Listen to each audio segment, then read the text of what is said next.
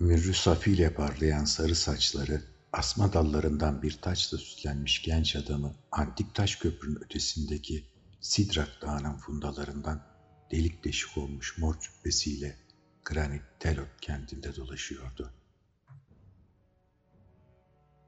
Telotlular kara yağız, sert insanlardı ve kare şeklinde evlerde otururlardı. Çatık kaşla yabancıya nereli olduğunu, adını ve servet sahibi olup olmadığını sordular.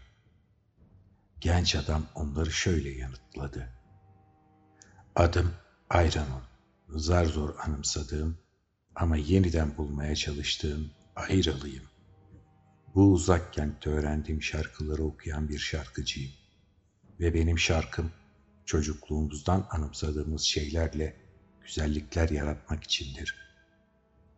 Servetimse ay ışığının insan içine işlediği ve batı yelinin lotus goncalarını salladığı gecelerde, bahçelerde okuduğum şarkılardaki anı kırıntılarında, düşlerde ve umutlardadır. Telotlular bu sözleri duyunca aralarında fısıl fısıl konuştular. Çünkü granit kentte kahkaha ve şarkı olmasa da baharda zaman zaman bu haşin insanlar Kartiya dağlarına bakar ve seyyahların sözünü ettiği Irak, Avani'de çalınan lavtaları düşünürlerdi. Bunları göz önüne getirince yabancının delik deşik cübbesinin renginden, saçlarındaki mürrüsafiden, başındaki asma yaprağı çelenkten, altın sesindeki gençlikten hoşlanmamakla birlikte ondan kalmasını ve Milin Kulesi'nin önündeki meydanda şarkı söylemesini istediler. Akşam Ayran'ın şarkı söyledi.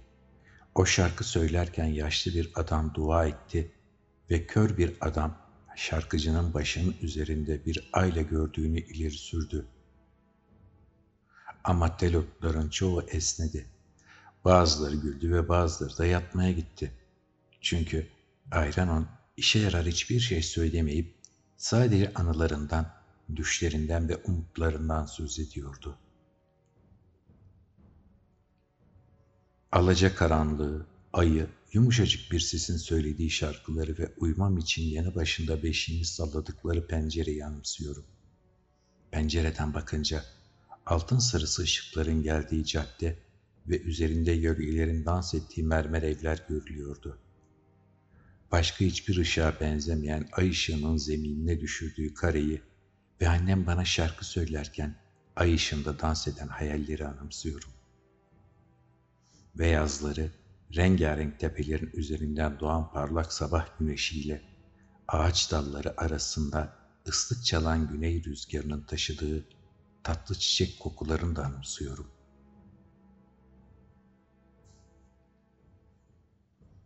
Ey arıya, mermer ve zümrüt kent, bağrında güzellikler barındıran sen, cam gibi saydam Nitra'nın ötesindeki ılık ve mis kokulu korularını yeşil vadiler arasından akan küçük kıranın çağlayanlarını ne çok severdim.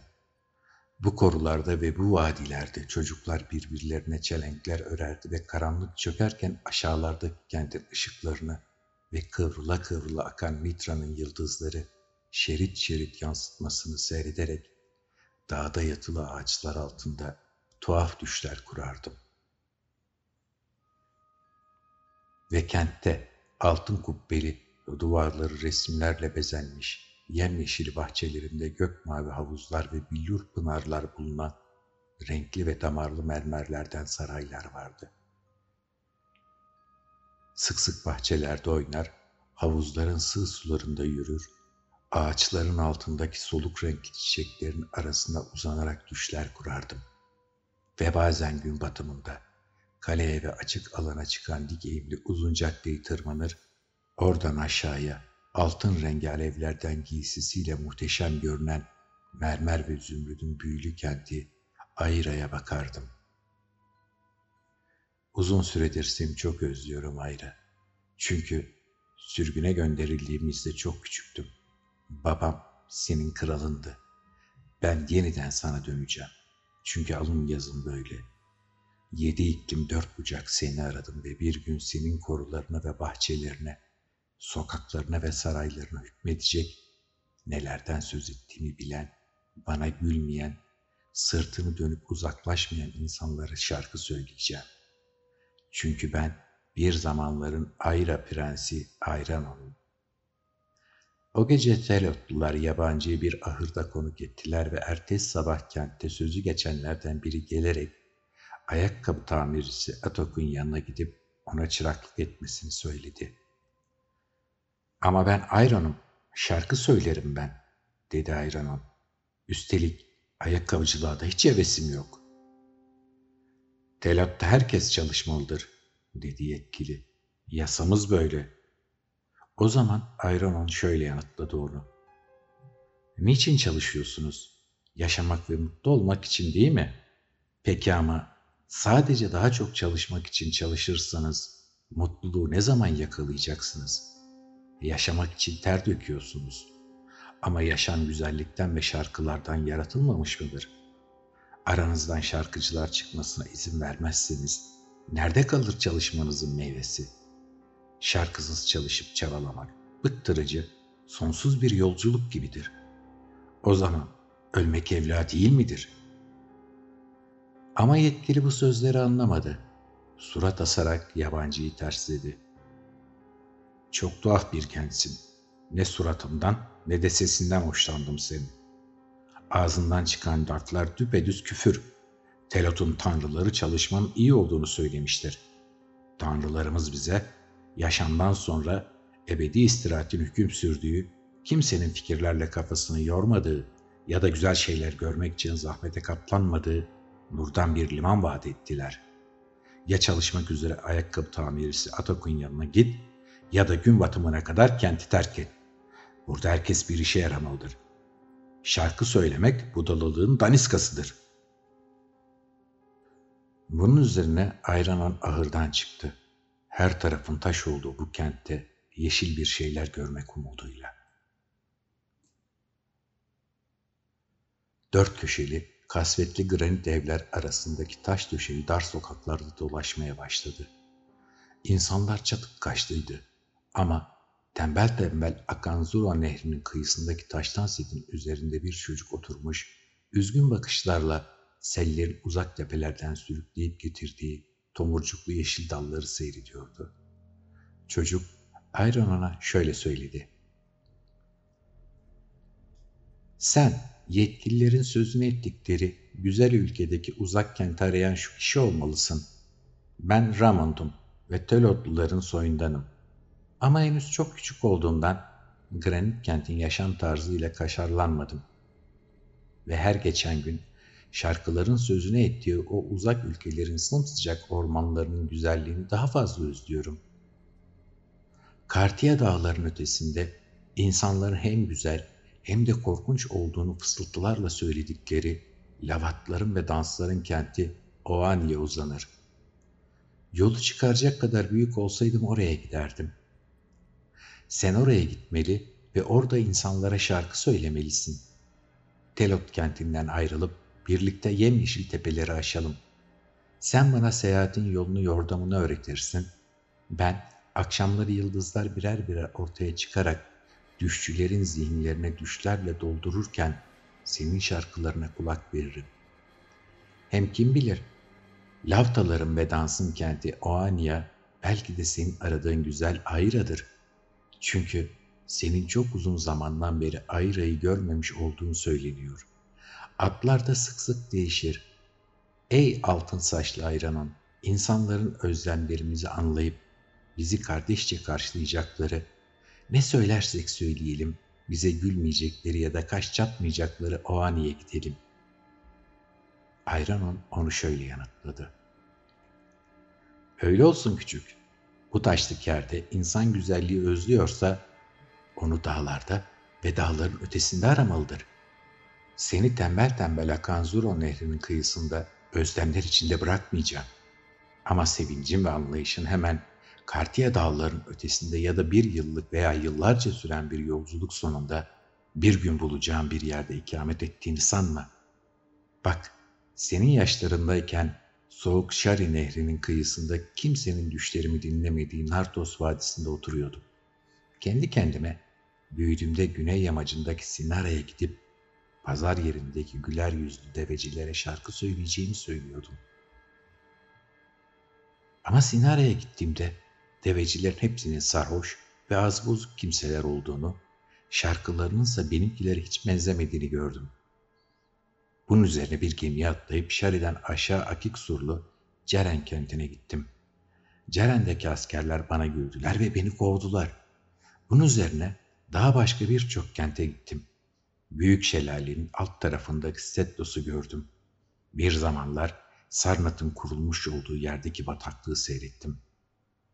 Menderesler yaparak akan Ayı Nehri üzerindeki Tra, İlnarek ve Katedron'a gittim ve Lomar diyarında Olet'te uzun süre oturdum. Ama bazen dinleyicilerim olduysa da bunlar hiçbir zaman sayıca iki elin parmaklarını geçmedi ve sadece bir zamanlar babamın kralı olduğu mermer ve zümrüt kent Ayra'da hoş karşılanacağımı anladım. Bu yüzden Kartiye dağların ötesindeki pek sanmıyorum ama ayrı olabilecek laftaların kutsadığı o uzak Aoni'yi ziyaret etmek de iyi olabilir ama bizim Ayra'yı aramamız gerekiyor. Ayra'nın güzelliği aklın havsalının alabileceği gibi değildir. Hiç kimse zevkten kendinden geçmeksizin onun güzelliğini anlatamaz. Oaniler, deveciler ondan söz ederken bir tür şehvet duyarlar. Gün batımında Ayranon'la Küçük Ramond, Telot'tan yola çıktılar ve uzun süre yeşil tepelerle serin korular arasında dolaştılar. Yol engebeli ve belirsizdi. Hiç de laftalarla dansın kenti Oani'ye yakışıyor gibi görünmüyorlardı. Ama karanlık çöküp yıldızlar çıkarken Ayranon, Ayra'ya ve onun güzelliklerini terennüm eden şarkılarını söylüyor, Ramatto dinliyordu. Böylece ikisi de şöyle böyle kendilerini mutlu hissediyorlardı. Ağaçlardan meyveler ve kızıl yemişler devşirip yerken zamanın farkına varmadılar. Yıllar su gibi akıp gitti. Ormanda bulunan asma yaprakları ve hoş kokulu çam sakızlarıyla altın sarı saçlarını süsleyen Ayranon hep aynı kalmasına karşın küçük Ramon artık o kadar küçük değildi. Eskiden ses tiz çıkarken şimdi daha derinlerden gelen bir sesle konuşuyordu. Sonra Ramant'ın Ayranon'dan daha yaşlı göründüğü gün geldi. Oysa Ayranon onu Telot'ta tembel tembel akan Zuro nehrinin kıyısında taş setin üzerine oturmuş, yeşile durmuş dalları seyrederken ilk göründüğünde çok küçüktü. Sonra bir gece, Dolunay'da, gezginlerimiz bir dağın zirvesine ulaştılar ve aşağılardaki Oani'nin binlerce ışığını seyrettiler. Köylüler Oani'ye çok yaklaşmış olduklarını söylediler. Ayranon buranın kendi doğduğu kent ayrı olmadığını söyledi. Oani'nin ışıkları Ayran'ınkiler gibi değildi. Gözü rahatsız ediyordu oysa Ayran'ın ışıkları annesi şarkı söylerken ayran onu sallarken pencereden zemine vuran ayın ışığı gibi yumuşacık ve büyüleyiciydi. Ama o ani lavtaların ve dansın kentiydi. Bu yüzden Ayranon'la Ramont şarkılardan ve düşlerden hoşlanan insanlar bulma umuduyla sarp yamaçlardan aşağı indiler. Ve kente girdiklerinde evden eve dolaşarak vur patlasın, çal oynasın eğlenen, güllerden çelenklerle süslü insanların pencere ve balkonlardan eğilerek Ayranon'un şarkılarını dinlediğini ve şarkı bitince ona çiçekler atıp alkışladığını gördüler. Kent Ayran'ın yüzde biri kadar olmasa bile Ayranon bir an için kendisi gibi düşünen ve hisseden insanları bulduğuna inandı. Şafak söktüğünde Ayranon çevresine ürküyle bakındı. Çünkü Ohane'nin kubbeleri gün ışığında altın gibi parlamıyordu. Kurşuni ve kasvetli bir görünüşleri vardı. Ohanelilerin yüzlerinde cümbüş yapmaktan renk kalmamış, şaraptan alıklaşmışlardı. Ayra'nın pırıl pırıl insanlarına benzer bir yanları yoktu. Ama kendisine çiçekler atıp şarkılarını alkışlamış oldukları için Ayranon kentte kaldı.'' Tabii onunla birlikte kentteki eğlencelerden hoşlanan ve kapkara saçlarına güller ve mersinler takınan Ramon da kaldı. Ayranon geceleri sık sık cümbüş yapan insanlara şarkılar söyledi. ama her zaman eskisi gibiydi. Başına yabani asmalardan çelenkler takıyor, Ayra'nın mermer caddelerini, cam gibi saydam Nitra nehrini aklından çıkaramıyordu. Hükümdarın duvarları frekslerle süslü sarayında aynadan bir zemin üzerinde yükselen kristal bir kürsüde de şarkı söyledi ve şarkı söylerken ayna zemin sanki kendisini gül yağmuruna tutan insanların şaraptan kızarmış suratları yerine eski, güzel ve hayal meyal anımsanan şeylerin resimlerini yansıttı. Kral ayran ona yırtık pırtık mor giysini çıkarmasını emretti. Ona atlas ve altın işlemeli giysiler giydirdi. Yeşil yeşim taşından yüzüklerle, renkli fil dişinden bileziklerle donattı ve ağaç kısımları güzel oymalarla süslü, sayvanı ve örtüsü gül işlemeli ipek bir yatağın bulunduğu, halılarla kaplı, altın yaldızlı bir oda verdi. Ayranon, lavtaların ve dansın kenti Ohani'de böyle bir yaşam sürdü. Ayranon'un Ohani'de ne kadar oyalandığı bilinmiyor. Ancak günlerden bir gün kral saraya, Lerania çölünden bazı kıvrak dansçılar ve doğudaki Drinen'den bazı karayaz flütçüler getirdi ve bundan sonra cümbüş yapan insanlar dansçılara ve flütçülere attıkları güller kadar ayran ona gül atmaz oldular. Ve granit telotta küçük bir çocuk olan Ramon şarap yüzünden günden güne çirkinleşip kızardı. Öyle ki gitgide daha az düş görür, ayran onu şarkılarını daha az zevk alarak dinler oldu. Ama Ayran'ın üzgün olmasına karşın şarkı söylemekten geri durmadı.'' Akşamları mermer ve zümrüt kent Ayra üzerine düşlerini anlatmayı sürdürdü. Sonra bir gece, solgun benizli, ipincecik ayranın uzak bir köşede kendi kendine şarkı söylerken suratı kıpkırmızı olmuş ve şişmanlamış Ramont, oturduğu ziyafet koltuğunun parlak kırmızı ipeklerini gömülerek çok fazla afyon çekti ve debelene debelene öldü. Ayranon Ramon'un mezarı başında gözyaşı döküp mezarın üzerine Ramon'un bir zamanlar sevdiği tomurcuklu dallar serpiştirdikten sonra ipek giysilerini ve süslerini attı. Gelirken üzerinde olan mor paçavraları giyindi ve başına taze yaban asmalarından bir çelenk takarak lavtaların ve dansın kenti Oani'yi terk etti. Ayranon doğduğu diyarı ve şarkılarıyla düşlerine bağrına basacak insanları aramayı sürdürerek gün batımına doğru yolculuğuna devam etti. Siyadriya'nın tüm kentlerinde ve Bnazai çölünün ötesindeki topraklarda yüzleri neşeyle parıldayan çocuklar onun eski şarkılarını, mor paçavralarını alaya aldılar. Ama Ayran'ın hep genç kaldı ve geçmişin hazzı geleceğin umudu Ayra üzerine şarkılar söylemeyi sürdürürken sapsarı saçlarına çenekler taktı. Böyle bir gece bir kayan kum bataklığının üst tarafındaki taşlık yamaçlarda sürüsünü otlatan iki büklüm olmuş, çok yaşlı ve pislik içindeki bir çobanın sefil kulübesine vardı. Ayranon bu adamla da başkalarıyla olduğu gibi konuştu. Cam gibi saydam litran aktığı minik kıra çağlayanlarının yeşil vadiler ve yatılı ağaçlarıyla kaplı tepelerde çağıldadığı mermer ve zümrüt kent ayranın nerede olduğunu bana söyleyebilir misin? Bunları duyan çoban sanki çok, çok eskilerde kalmış bir şeyleri anımsıyormuş gibi yabancının yüzündeki her çizgiyi, altın sarı saçlarını ve asma yaprağı çelengin inceleyerek onu tuhaf bir şekilde uzun uzun süzdü. Ama çoban çok yaşlıydı. Başını sallayarak ayran onu şöyle yanıtladı. Ey yabancı, ayranında sözünü ettiğin diğer şeylerin de adını aslında duydum. Ama bunlar çok, çok eskilerde kaldı.